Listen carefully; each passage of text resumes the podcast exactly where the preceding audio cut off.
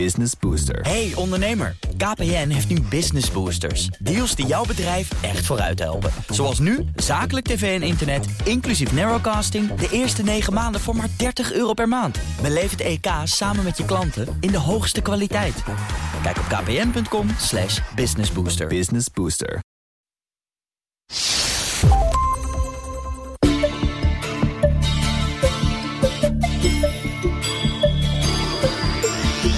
Relatie tussen Europa en China is complex. Aan de ene kant wijst Europa met het vingertje als het gaat om mensenrechten oneerlijke concurrentie en digitale spionage. Dat woord systeemrivaal, dat komt uh, uit de koker van de Europese Commissie. Waarin men uh, al vele, vele jaren terecht ongelooflijk gefrustreerd is over China. Aan de andere kant verwelkomen de Europese landen de investeringen uit China. De Chinezen op hun beurt proberen Europa te vriend te houden vanwege de enorme afzetmarkt.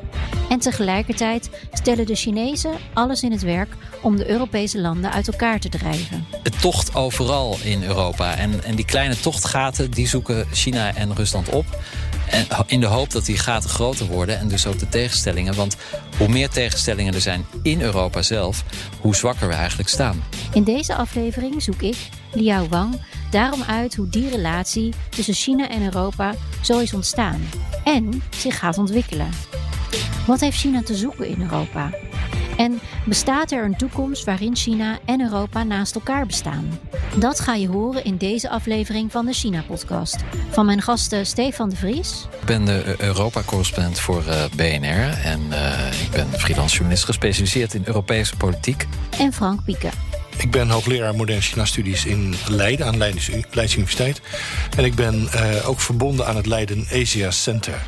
Uh, dat ik samen met een aantal andere collega's in 2016 heb opgericht.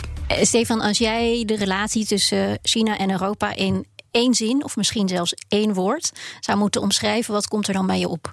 Het wordt lastig. Het wordt lastig. Ja, ja, ja. ja. Want? Uh, ja, omdat we elkaar nodig hebben. En um, je ziet natuurlijk nu, uh, de laatste jaren wordt China steeds zelfverzekerder en, en uh, een steeds grotere mond. En ja, dat, dat botst steeds vaker met Europa. Dus, en tegelijkertijd hebben we elkaar nodig.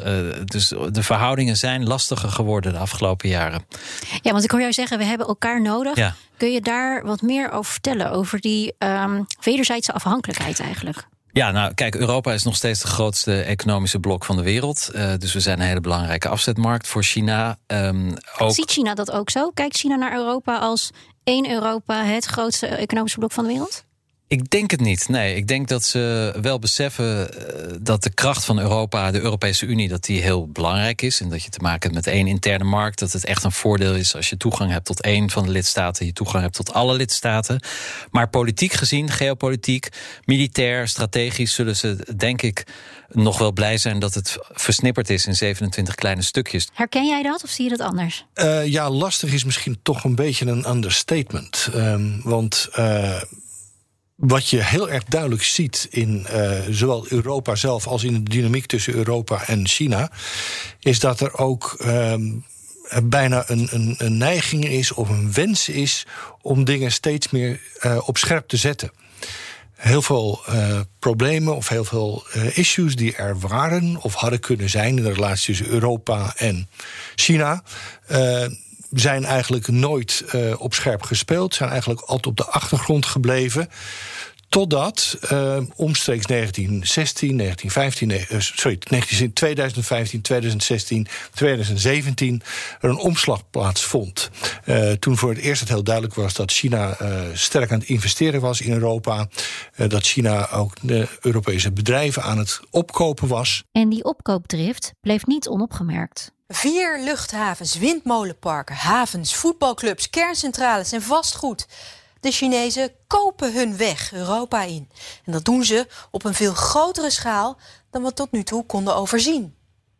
Persbureau Bloomberg heeft uitgezocht wat de Chinezen de afgelopen tien jaar in Europa allemaal hebben aangeschaft. En hou u vast, er zijn maar liefst 678 deals gesloten in Europa door de Chinezen voor tenminste 318 miljard dollar. Het opkopen van Europese bedrijven dus voor vele miljarden euro's.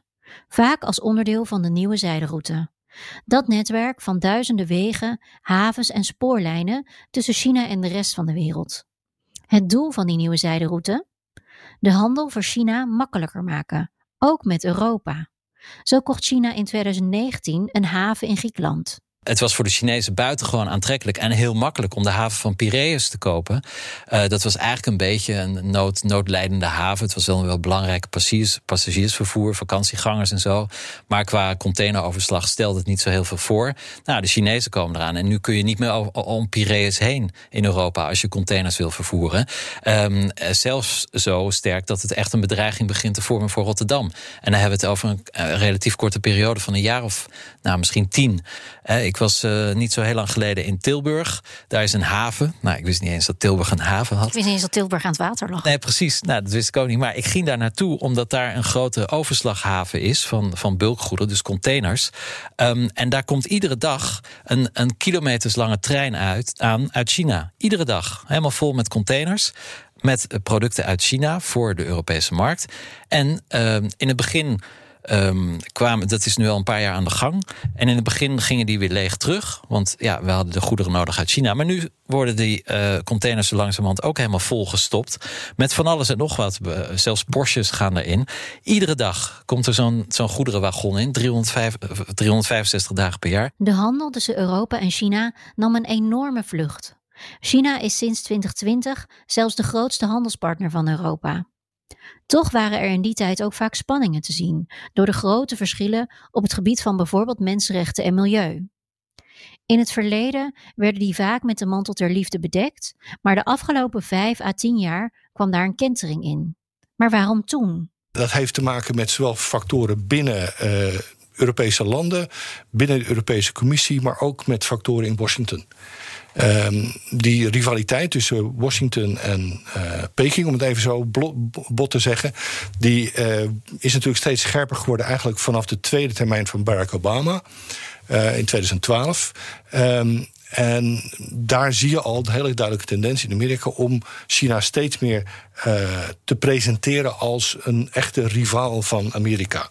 Uh, maar de echte uh, push is gekomen pas toen er in Amerika natuurlijk een andere president kwam. Mm. Uh, en die relatie met China tot een confrontatie liet leiden. en daar is Europa eigenlijk heel snel in meegegaan. En toen zijn heel veel dingen die uh, al heel lang op de achtergrond spelen. We noemden al mensenrechten, maar ook uh, oneerlijke concurrentie, bijvoorbeeld. Uh, China dat een fundamenteel ander systeem heeft. Toen kwamen deze dingen ineens voorop op het scherm en werden ineens tot uh, politieke hangijzers gemaakt. Uh, terwijl ze voorheen eigenlijk een beetje met de mantel liefde bedekt waren. En wat hebben wij daarmee te winnen? Een verenigd front tegen China. Een Europa dat dus samen met de rest van het Westen optrekt tegen China. Het leidde een paar jaar geleden tot een opvallende woordkeuze van de Europese Commissie. In een beleidstuk sprak de Commissie plotseling over China als systeemrivaal in plaats van een handelspartner. Dat woord werd daarna ook geregeld gebruikt door bijvoorbeeld de Duitse bondskanselier Angela Merkel en de voorzitter van de Europese Commissie, Ursula von der Leyen. We as the European Union, we know exactly on what side of the table we're sitting. We're sitting on the side of the democracies next to our American friends. And indeed, uh, China is a systemic rival when it comes to um, the way they look at the individual and human rights.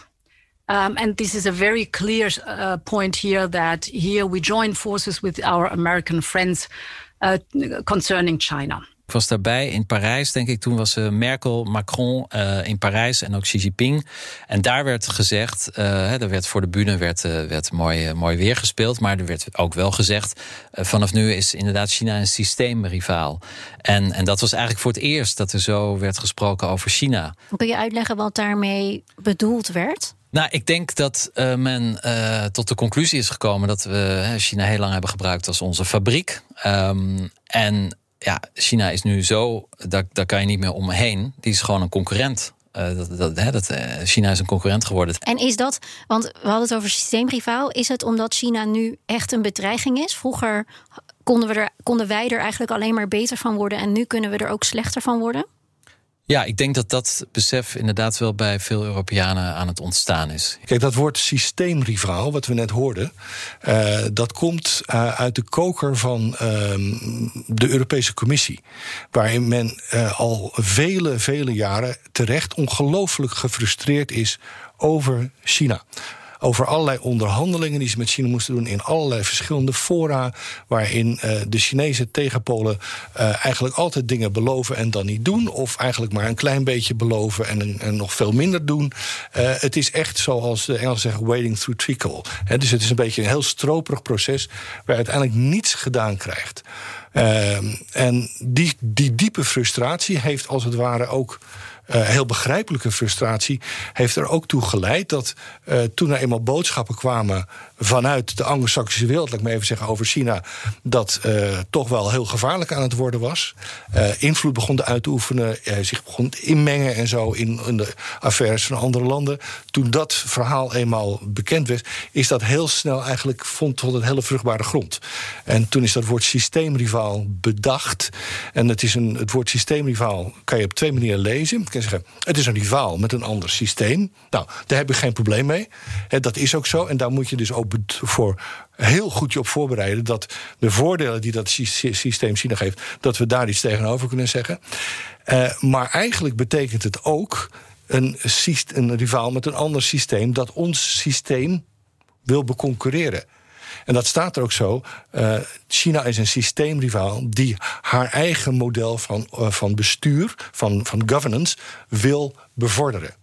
En hoe uh, reageert China dan op zo'n systeemrivaal? Uh, actie van Europa? Uh, als een uh, door een adder gebeten hond ongeveer. Oh ja? ja. Nee, maar ik, nee, dat heeft, heeft heel nee, veel pijn gedaan. De vraag is ook omdat ik kan mij ergens ook voorstellen dat het een stukje erkenning is. Nee, zo zagen ze dat even niet. Um, dat zou natuurlijk heel uh, ja, zeggen, uh, breed van ze zijn geweest om dat zo te interpreteren. Uh, maar ze zijn daar echt enorm pissig over geworden.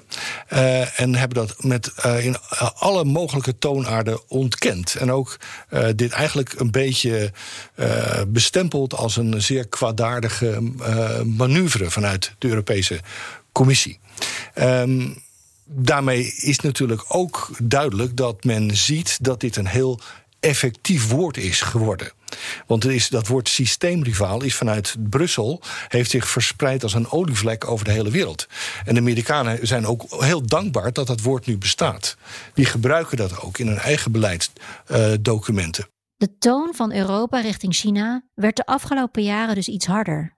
Maar hoe kon die toon zo snel omslaan?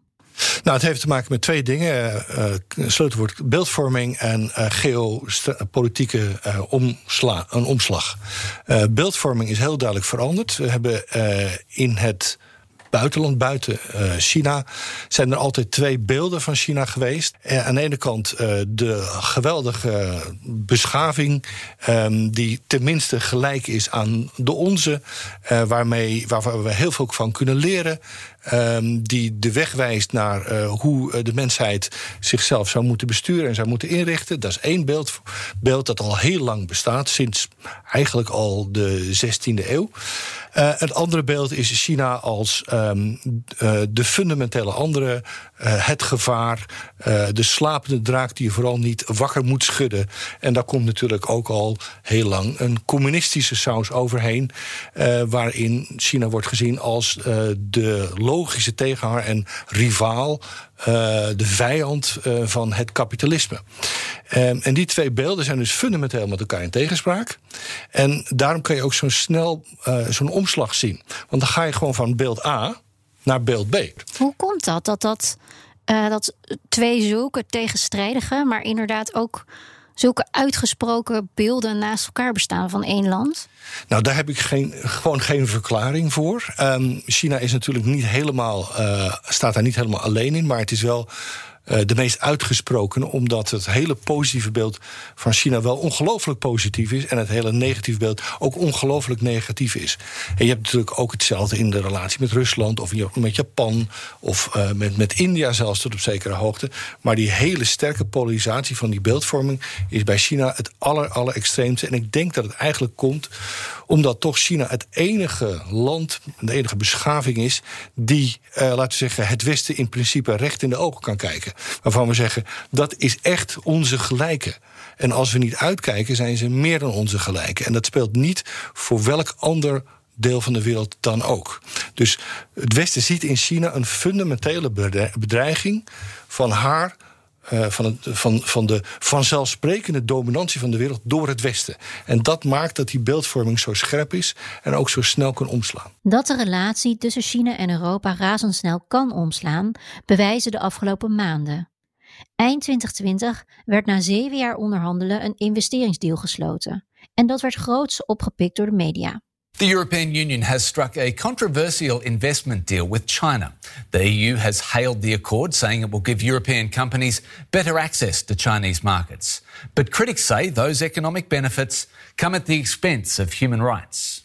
Er was dus ook kritiek op die deal, maar deze werd snel weggewuifd door verantwoordelijk eurocommissaris Valdis Dombrovskis. Uh, the main purpose of this agreement is to uh, address the economic imbalance in our relations because the fact is that EU's market is substantially more open for Chinese uh, companies and investment than China's market is for EU companies. And this agreement helps actually to redress this imbalance. Toch werd nog geen half jaar later de deal alweer in de ijskast gezet, wat ook weer groots werd opgepakt door de media. The EU has shelved its efforts to win approval for a massive investment deal with China after tit for tat sanctions were imposed over Beijing's treatment of its Uyghur population.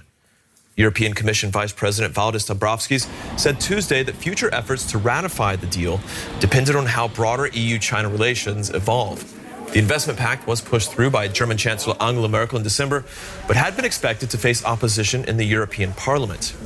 En bijna tegelijkertijd gaf de Europese Commissie aan dat er een einde moest komen aan de oneerlijke concurrentie van buitenlandse bedrijven die staatssteun krijgen. De Europese Commissie dan. Die wil een eind maken aan de oneerlijke concurrentie van, van veel buitenlandse bedrijven die staatssteun krijgen.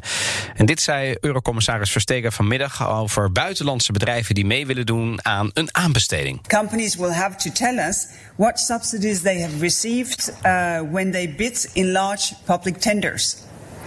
And they won't be able to uh, win those tenders without our okay. Kijk, en Verstegen noemt het natuurlijk niet expliciet, want ze noemt buitenlandse bedrijven, maar het gaat hier vooral om Chinese bedrijven die met veel Chinese staatssteun het gras voor de voeten van veel concurrenten wegmaaien. De relatie tussen Europa en China kwam hierdoor steeds meer onder druk te staan. Er gaan zelfs stemmen in Europa op om niet meer afhankelijk te worden van China. Dat heet dan strategische autonomie in, ja. uh, in, in, in Brusselse termen. Um, dat is de laatste jaren heel erg in. Um, om, om dingen hier te produceren en minder afhankelijk te worden van, van andere blokken.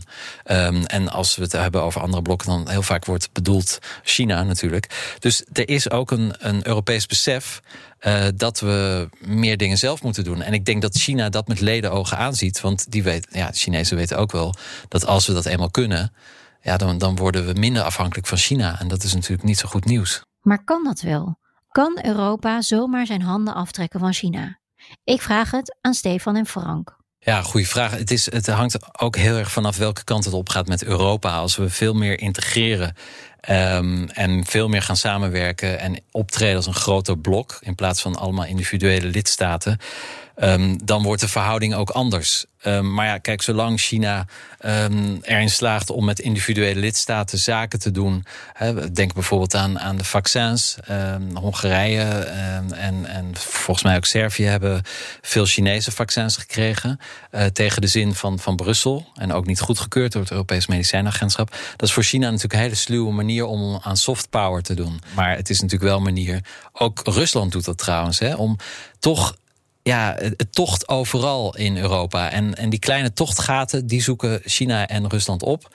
En in de hoop dat die gaten groter worden en dus ook de tegenstellingen. Want hoe meer tegenstellingen er zijn in Europa zelf, hoe zwakker we eigenlijk staan. Dus het zal heel erg afhangen van hoe ver gaat de Europese integratie nog. Dus, maar ik hoor jou dan bijna zeggen: China is gebaat en doet ook actief zijn best om Europa te fragmenteren. Ja, ik denk dat alle andere economische blokken gebaat zijn bij, bij slechte Europese samenwerking. Ja, want zodra we wel samenwerken en een vuist maken, ja, dan, dan kan eigenlijk niemand ons aan. Dus als jij... Op economisch gebied, hè? Want ja, militair gezien zijn we natuurlijk een dwerg vooralsnog. Je kan het nu al een beetje zien gebeuren. Hè? Dus uh, Oeigoerse kwestie, uh, arbeidswetgeving in China, uh, geen investeringsakkoord. ook Europese machten, Frankrijk, Engeland en ook Duitsland. En ook Nederland zelfs, die in de, de Zuid-Chinese Zee gaan, gaan patrouilleren. Ehm, technologie en onderwijs en onderzoekssamenwerking zoveel mogelijk afkappen. Uh, proberen dat mensen die uit China komen hier gescreend gaan worden. Uh, Huawei de deur uitgooien. Uh, enzovoort, enzovoort, enzovoort. De lijst is eindeloos. En het is eigenlijk al heel erg ver zijn we. En, en toch, hè, Stefan zei ook net, er is een enorme wederzijdse afhankelijkheid. Dus hoe ziet een Europa wat ontkoppeld is van China eruit? Nou, een stuk armer. en ook een stuk onmachtiger, omdat we een hele belangrijke speler in het internationale veld eigenlijk buitensluiten. En China, wordt China er ook slechter van? Ja, natuurlijk. Maar uh, de Chinezen zijn, uh, de Chinese regering moet ik zeggen, zijn niet dom. En die zijn al bezig zich voor te bereiden voor dit scenario. Um, dat zie je bijvoorbeeld uit het hele verhaal over dual circulation, om het maar even in het Engels te zeggen. Uh, de, dus duale circulatie-economie, wat betekent uh, dat we alles in China eigenlijk moeten uh, doen, behalve datgene wat we echt niet kunnen doen. En daarvoor moeten we ons dan afhankelijk afstellen van de mondiale economie. Dat is een fundamentele andere denkwijze dan ze tot voor kort hadden gehad, waarin mondialisering juist een goed ding was.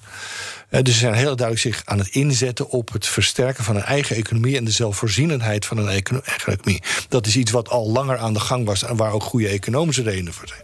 Maar als er strategische redenen bij komen, zoals het nu het geval is, dan zou dat best wel heel snel kunnen gaan. En dan zal je zien dat China ook um, eigenlijk de wereld steeds minder nodig gaat hebben. Uh, en de enige afhankelijkheden die ze echt nog gaan hebben, zijn die van grondstoffen uit Afrika, uit Australië, uit Latijns-Amerika. Hoe verweven China en Europa ook met elkaar zijn, de relatie tussen de twee komt steeds meer op scherp te staan. Beide bereiden zich voor op een toekomst met minder afhankelijkheden van elkaar. Maar de vraag is of Europa hier uiteindelijk wel beter van zal worden. Dit was aflevering 1 van het derde seizoen van de China-podcast. Dank aan mijn gasten Stefan de Vries en Frank Pieke. Deze podcast komt mede tot stand door het Leiden Asia Center. De China-podcast wordt gemaakt door mij, Liao Wang en John Boy Vossen, die de productie doet. In de volgende aflevering gaan we kijken naar de relatie tussen China en Afrika. Eerdere afleveringen van de China-podcast zijn terug te luisteren via bnr.nl/slash China-podcast, de BNR-app of je favoriete podcastplatform. Reageren? Dat kan via podcast.bnr.nl. Business Booster. Hey ondernemer, KPN heeft nu Business Boosters. Deals die jouw bedrijf echt vooruit helpen. Zoals nu, zakelijk tv en internet, inclusief narrowcasting... de eerste 9 maanden voor maar 30 euro per maand. Beleef het EK samen met je klanten in de hoogste kwaliteit. Kijk op kpn.com businessbooster. Business Booster.